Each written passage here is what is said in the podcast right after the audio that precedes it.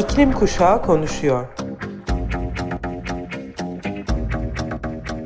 Hazırlayan Atlas Sarrafoğlu.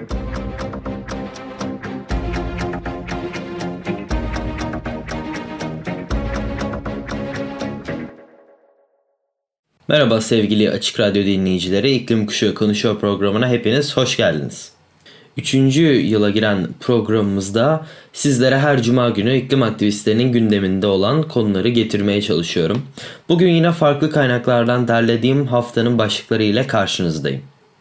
Bugün ilk olarak bir keşiften bahsetmek istiyorum. The Guardian'dan aldığım haberde mucizevi buğday geni keşfi sayesinde aşırı ısınmış dünyamızı besleyebileceğimizi söylüyor. 4,5 milyar insanı besleyen ve hayati bir unsur olan gıdalar küresel ısıtma nedeniyle yok oluş ile karşı karşıya. Yeni yapılan bir araştırma nihayet ısıya dayanıklı bir çeşitlilik yaratmanın bir anahtarını buldu. Buğday, insanlık tarihini ve kültürünü değiştiren bir bitkidir. Buğday ekimi sayesinde giderek artan sayıda Homo sapiens kendi kendini besleyebildi ve dünyada hayatta kalmaya çalışan avcı toplayıcı grupları gezegenin yöneticilerine dönüştürdü. Bir zamanlar Orta Doğu'nun küçük bir bölümüyle sınırlı olan bir yabani ot türü olan buğday şimdi dünyanın en geniş alanlarını kaplıyor. Tarihçi Yuval Noah Harari'nin gözlemlediği gibi 10 bin yıl önce tek bir buğday sapının yetişmediği Kuzey Amerika'nın geniş ovalarında bugün başka hiçbir bitkiye rastlamadan yüzlerce kilometre yürüyebilirsiniz. Buğday artık insanların her gün tükettiği kalorinin %20'sini sağlıyor. Ancak üretimi tehdit altında. İnsan kaynaklı küresel ısıtma sebebiyle gezegenimiz gelecekte mahsulleri mahvedebilecek ve ardından yaygın kıtlığı tetikleyebilecek giderek artan şiddetli ısı dalgaları, kuraklıklar ve orman yangınları ile karşı karşıya. Ancak şu anda Norwich, Jones Inner Center'da araştırmacılar tarafından yürütülen araştırmalar sayesinde kriz önlenebilir. Araştırmacılar buğdayı sıcağa ve kuraklığa karşı daha dayanıklı hale getirmek için proje üzerinde çalışıyorlar. Bu tür çabaların son derece altıdıcı olduğu kanıtlandı ancak kısmen gen düzenleme teknolojisiyle oluşturulan buğday çeşitlerinin İspanya'daki saha denemelerinde etkileyici bir projenin parçası olarak birkaç hafta içinde yeni bir dizi denemenin konusu olacak. John Inner Center ekibi bu çeşitlerin İberya'nın sıcağına dayanma yet- yeteneğinin mahsul bilimcilerin gelecekteki ekilebilir çiftlikleri iklim değişikliğinin en kötü değişikliklerinden ne kadar iyi koruyabileceklerini belirleyeceğini ve böylece milyarlarca insan için gıda üretiminde bir çığır açacaklarını söylüyor. Birkaç 10 yıl sürmesine rağmen John Inner Center'daki bilim insanları şimdi anahtar geni tanımladılar. Bu geni ZIP 4.5b olarak etiketlediler ve bunun mutant bir versiyonunu yarattılar. Bu çalışmadaki önemli araç buğday DNA'sında keskin değişiklikler yapmamızı sağlayan gen düzenlemesiydi. O olmasaydı hala bununla mücadele ediyor olurduk. Tüm farkı bu gen yarattı. Buğday insanlık tarihinde dikkate değer bir rol oynamıştır. Umarız bu çalışma gelecekte gıda maddesi olarak önemini korumasına vesile olacaktır. Son bir haftadır özellikle FFF Almanya'nın gündeminde olan ancak tüm iklim aktivistlerinin de yakından takip ettiği ve barışçıl direnişlerini desteklediği Lutzerat var. Almanya'nın ideal senaryoda 2030'a kadar kömürü bırakma ve 2045'e dek iklim nötr durumuna ulaşma hedefleri nedeniyle Lutzerat'ın kaderi hararetle tartışılıyor. Enerji krizi kisvesi altında Alman hükümeti kömür madenciliğini genişletmek için bütün bir köyü yıkmak istiyor. Bu Almanya'nın daha fazla kömür yakmayı, emisyonlarda şaşırtıcı bir artış ve daha fazlasını planladığına işaret ediyor. Lützerat köyü iki İtalyan bankası Unicredit ve Intesa tarafından finanse edilen RWE enerji şirketinin Garzweiler madenini geliştirmek için yıkılacak. Enerji krizi hükümeti kömürlü termik santralleri yeniden çalışır duruma getirmeye ve diğer santrallerin ömrünü uzatmaya itse de birçok rapor arz güvenliğini garanti almak için iklim aktivistleri tarafından işgal edilen terk edilmiş köyün yıkılmasının gerekliliğini sorguluyor. Polisin Ocak ayı ortasına kadar birkaç yüz kişilik aktivist grubunu köyden tahliye etmesi planlamasıyla bugünlerde Lützerat'taki gerilim tırmanıyor. Ve bir de dün gece gelen son e, dakika haberi var bir adet. Polis iklim aktivistlerinin kömür karşıtı direnişine ev sahipliği yapan Lützerat köyündeki aktivistleri zorla tahliye etmeye başladı. Doçevelle'den Christian Wolf'un aktardığına göre protestocular yakınlardaki bir kömür madeninin genişletilmesi için yıkılması istenen köyü polise karşı barikatlar kurarak savunuyor. Polis maden ocağı açılacağı gerekçesiyle tahliyesine karar verilen Lützerat köyünü işgal eden çevreci aktivistlere karşı harekete geçti. Bölgeden sorumlu Aachen Emniyet Müdürlüğü ve teşkilatı yaptığı açıklamada polis memurlarının küçük beldiği kuşattığını ardından çit çekerek abluka altına aldığını belirtti.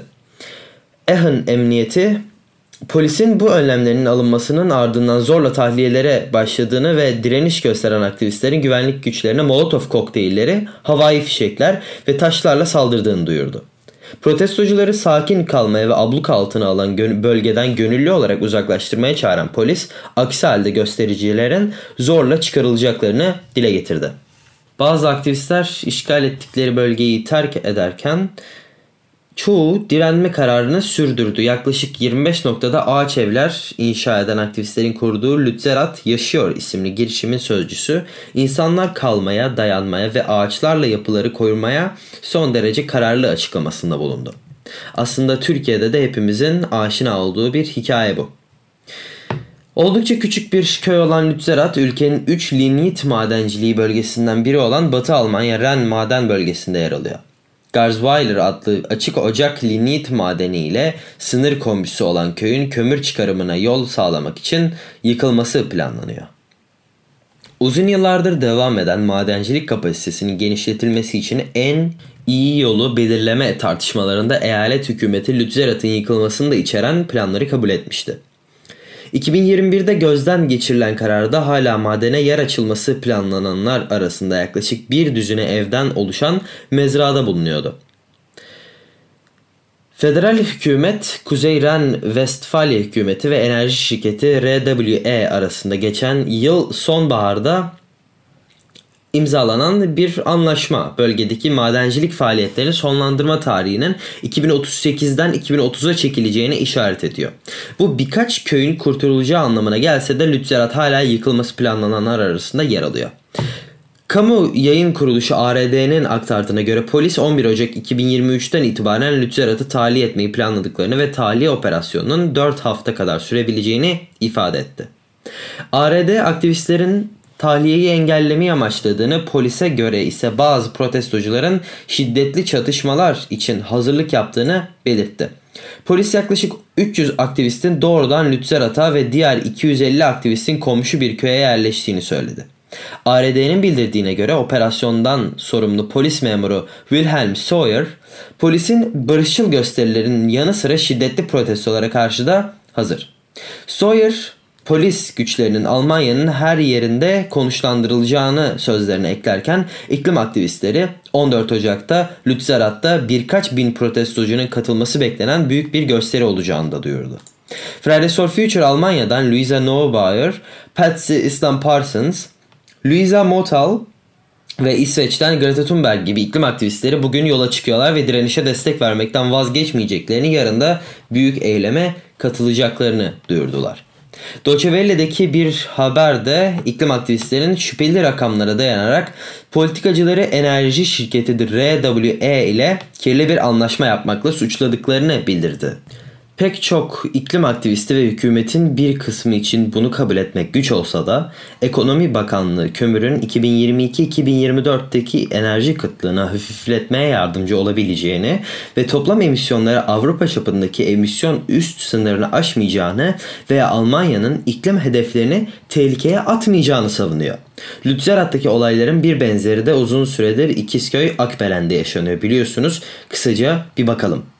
Akbelen Ormanı'nı 740 dönümlük bölümündeki ağaçlar Limak Holding ve İçtaş ortaklığıyla kurulan YK Enerji tarafından işletilen Yeniköy ve Kemerköy termik santrallerine lignit sağlanacak maden ocağı açmak için kesilmek isteniyor.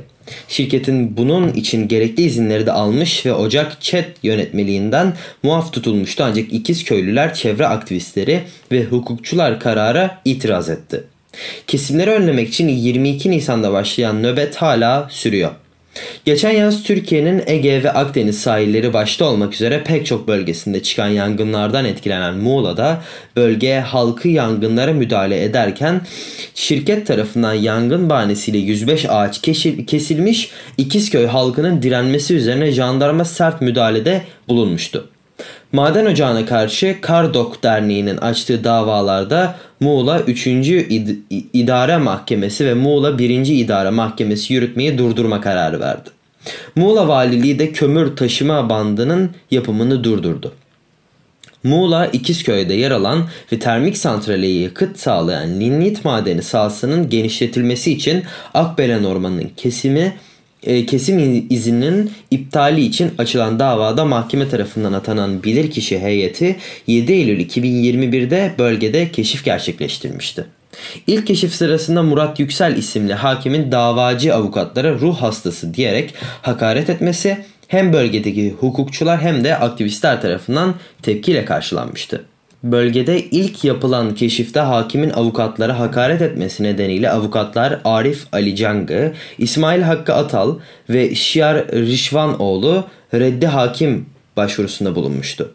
İkinci inceleme öncesi resmi gazetede yayınlanan maden yönetmeliğindeki değişiklikle birlikte tapuda zeytinlik olarak kayıtlı olan alanların madencilik faaliyetlerinin önü açılmıştı. Sosyal medyada yankı uyandıran değişiklik hashtag zeytin için adalet ve hashtag akbeden için adalet etiketleriyle birçok paylaşım yapılmıştı. Bilir kişiden dördü kömürün bölgeye geri dönülmez zararlar verileceği görüşünü verirken ikisi ekolojik yıkım ol- ol- olacağını ancak enerji ihtiyacı nedeniyle madene açılması gerektiği yönde görüş bildirmişti. Akbelen'de 3. bilirkişi raporu da 24 Kasım 2022'de çıktı. Akbelen Ormanı'nda 3. kez yapılan bilirkişi ma- keşfinden madencilik şirketinin lehine Akbelen Ormanı'nın nöbetine devam eden İkizköylülerin aleyhine bir karar çıktı.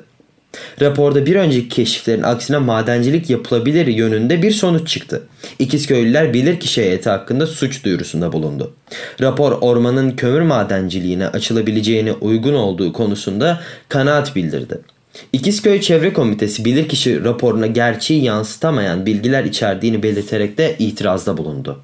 Ayrıca geçtiğimiz çarşamba gecesi Muğla, İkizköy'e bağlı Akbelen'de ağaçları, kültür miraslarını ve canlı yaşamını tehdit eden maden faaliyetlerinin işletmecisinin hissedarlarının Limak'ın sponsor olduğu ve hayvanlara bağış için gerçekleştirilen bir konserin Zorlu PSM'de sahne aldığını duyan İkizköylüler soluğu sanat merkezinin kapısında aldı. Limak nedeniyle İkizköy'de yaşamın tehdit edildiğinin ancak yaşamı tehdit etmezmişçesine konserle hayvanlara bağış yapacağının söylenmesini yeşil badana olarak değerlendiren ikiz köylüler protesto sırasında gözaltına alındı. Gece saatlerinde yaklaşık 5 saat süren gözaltının ardından vatandaşlar serbest bırakıldı. Bu arada bu haberlere bakınca sanıyorum dünyada greenwashing'in dorukta olduğu bir dönem yaşıyoruz ama greenwashing'lere karşıda eylemler bu sayede yükselişe geçiyor. Bir grup aktivist Fransız yoğurt ve şişelenmiş su firması Danone'ye plastik kullanımı nedeniyle dava açtı. STK'lar Evian markası çevresel ayak izi açısından başarısız olmakla suçlayarak kurumsal sorumluluk davası açtılar. Gruplar Evian ve Volvic maden suyunun arkasındaki şirketin çığ ürechen bir Fransız yasasına uygun hareket etmediğini söyledi. 2017 tarihli ihtiyat planı yasası büyük Fransız şirketlerine de bunların tedarik zincirlerinde insan hakları ve çevresel kaygıların izlenmesini zorunlu kılıyor. Bu yasa artan iklim davası eğiliminin bir parçası olarak sivil toplum kuruluşları tarafından çok uluslu şirketlere karşı giderek daha fazla kullanılıyor. Aralık ayında yapılan bir marka denetimine göre Danone, Coca-Cola, PepsiCo ve Nestle ile birlikte dünyanın en büyük 10 plastik kirleticisinden biri olarak gösterildi. Eyleme geçen gruplardan biri olan Client Earth'ün avukatı Rosa Pritchard şunları söyledi. İklim ve sağlık uzmanlarının ve tüketicilerin açık endişelerine ve yüzleşmek için yasal bir yükümlülüğe rağmen Danone plastikle başa çıkmak için ciddi bir planı olmadan ilerliyor. Danone yaptığı açıklamada suçlamayı reddetti. Şiddetle çürüttüğümüz bu suçlama bizi çok şaşırttı. Danone çevresel risk yönetiminde uzun süredir önce olarak tanınmaktadır ve sorumlu bir şekilde hareket etme konusundaki kararlarımızı ee, koruyoruz ve sürdürüyoruz demişler. Plastik kullanımını azaltmayı, yeniden kullanımı geliştirmeyi, toplama ve geri dönüşüm planlarını güçlendirmeyi ve alternatif malzemeler geliştirmeyi amaçlayan kapsamlı bir eylem çerçevesi uyguluyoruz. Özellikle plastik azaltmada örneğin 2018 ile 2021 arasında küresel düzeyde 60 bin ton düşüşle önemli ilerlemeler kaydettik. Plastik kirleticileri hedef alan son yasal davalardan biri olan dava bu hafta Paris Mahkemesi'nde yargıya açıldı. Çevreci gruplar Surf Reader Foundation Europe'un sözcüsü Antidia Sitores Reuters'a verdiği demeçte Danone'nin zorunlu bakım yükümlülüğü raporunun yeniden yayınlanması ve plastik kullanımını azaltmak için somut bir strateji de dahil olmak üzere özellikle hesaba katmasını istiyoruz dedi. Eylül ayında gruplar Danone'ye resmi olarak ihbarda bulunarak şirkete ihtiyat planını düzenleme fırsatı verdi. Şirket resmi tebligat mektubunda yanıt verdi ancak STK'lar yanıtın yetersiz olduğunu ve taleplerini yeterince karşılamadığını savundu. Fransız yasası 2013 yılında Bangladeş'te meydana gelen ve batılı moda markaları tarafından kullanılan bir giyim fabrikasının çökmesi sonucu 1100 kişinin hayatını kaybettiği Rana Plaza felaketinden sonra getirildi. Markaların hesap verme sorumluluğunun olmaması insan hakları gruplarının ve diğerlerinin daha fazla kurumsal sorumluluk için kampanya yapmasına baskı ediyor. Danone, Batı'nın plastik atıklarının çoğunu alan Endonezya ve Türkiye dahil 120 ülkede faaliyet gösteriyor. Danone son 3 yıldır Endonezya'da çevreyi kirleten plastik marka denetim sıralamasında birinci olmuş. Evet, greenwashing öğesi barındırmayan iklim haberi daha var sırada. Üstelik bu gerçekten COP27 sırasında yaşanan tüm hayal kırıklığına bir büyük halka daha ekleyeceğe benziyor.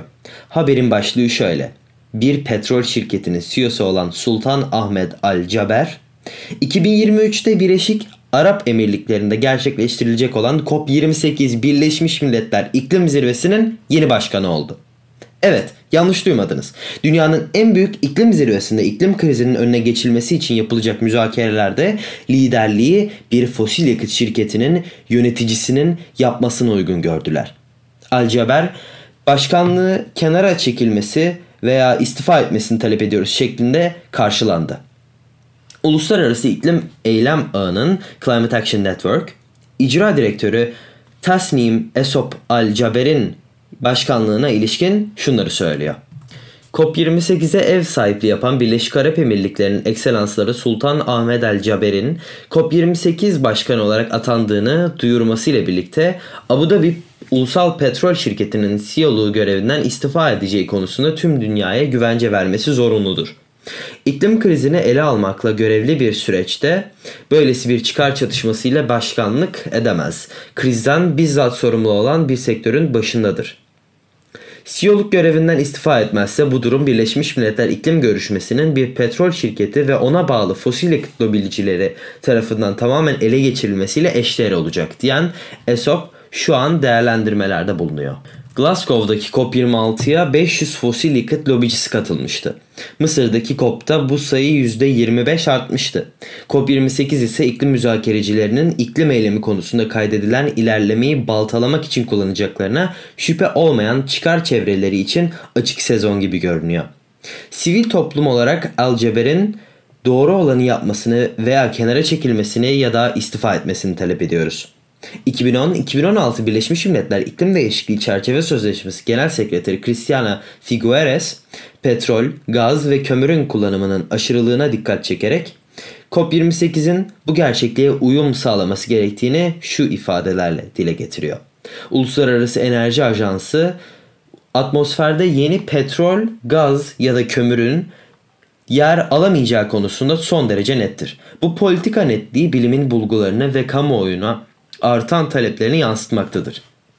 COP28 sadece bu gerçekliğe uyum sağlamakla kalmamalı, aynı zamanda küresel karbonsuzlaştırmayı hızlandırmalıdır. İleriye giden başka bir yol yoktur.